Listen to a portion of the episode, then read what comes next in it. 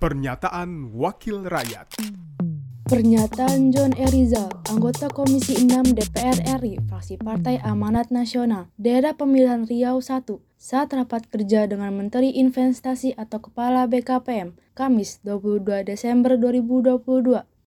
Indonesia ini banyak keajaiban. Pada saat awal-awal muncul uh, isu-isu green energy, pengusaha batubara kan hampir tenggelam semua. Harga batubara juga drop. Tiba-tiba suddenly kondisi dunia berubah. Batubara yang menopang kita sekarang.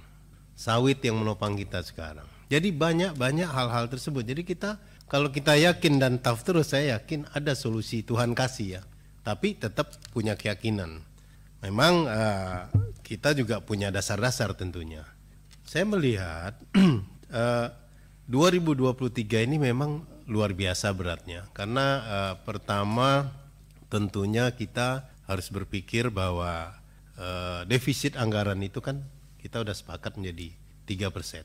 Nah ini tolong Pak Menteri juga komunikasikan juga di internal nanti skenario nya pada saat uh, waktu yang dimaksud itu seandainya itu nggak tercapai apa solusinya?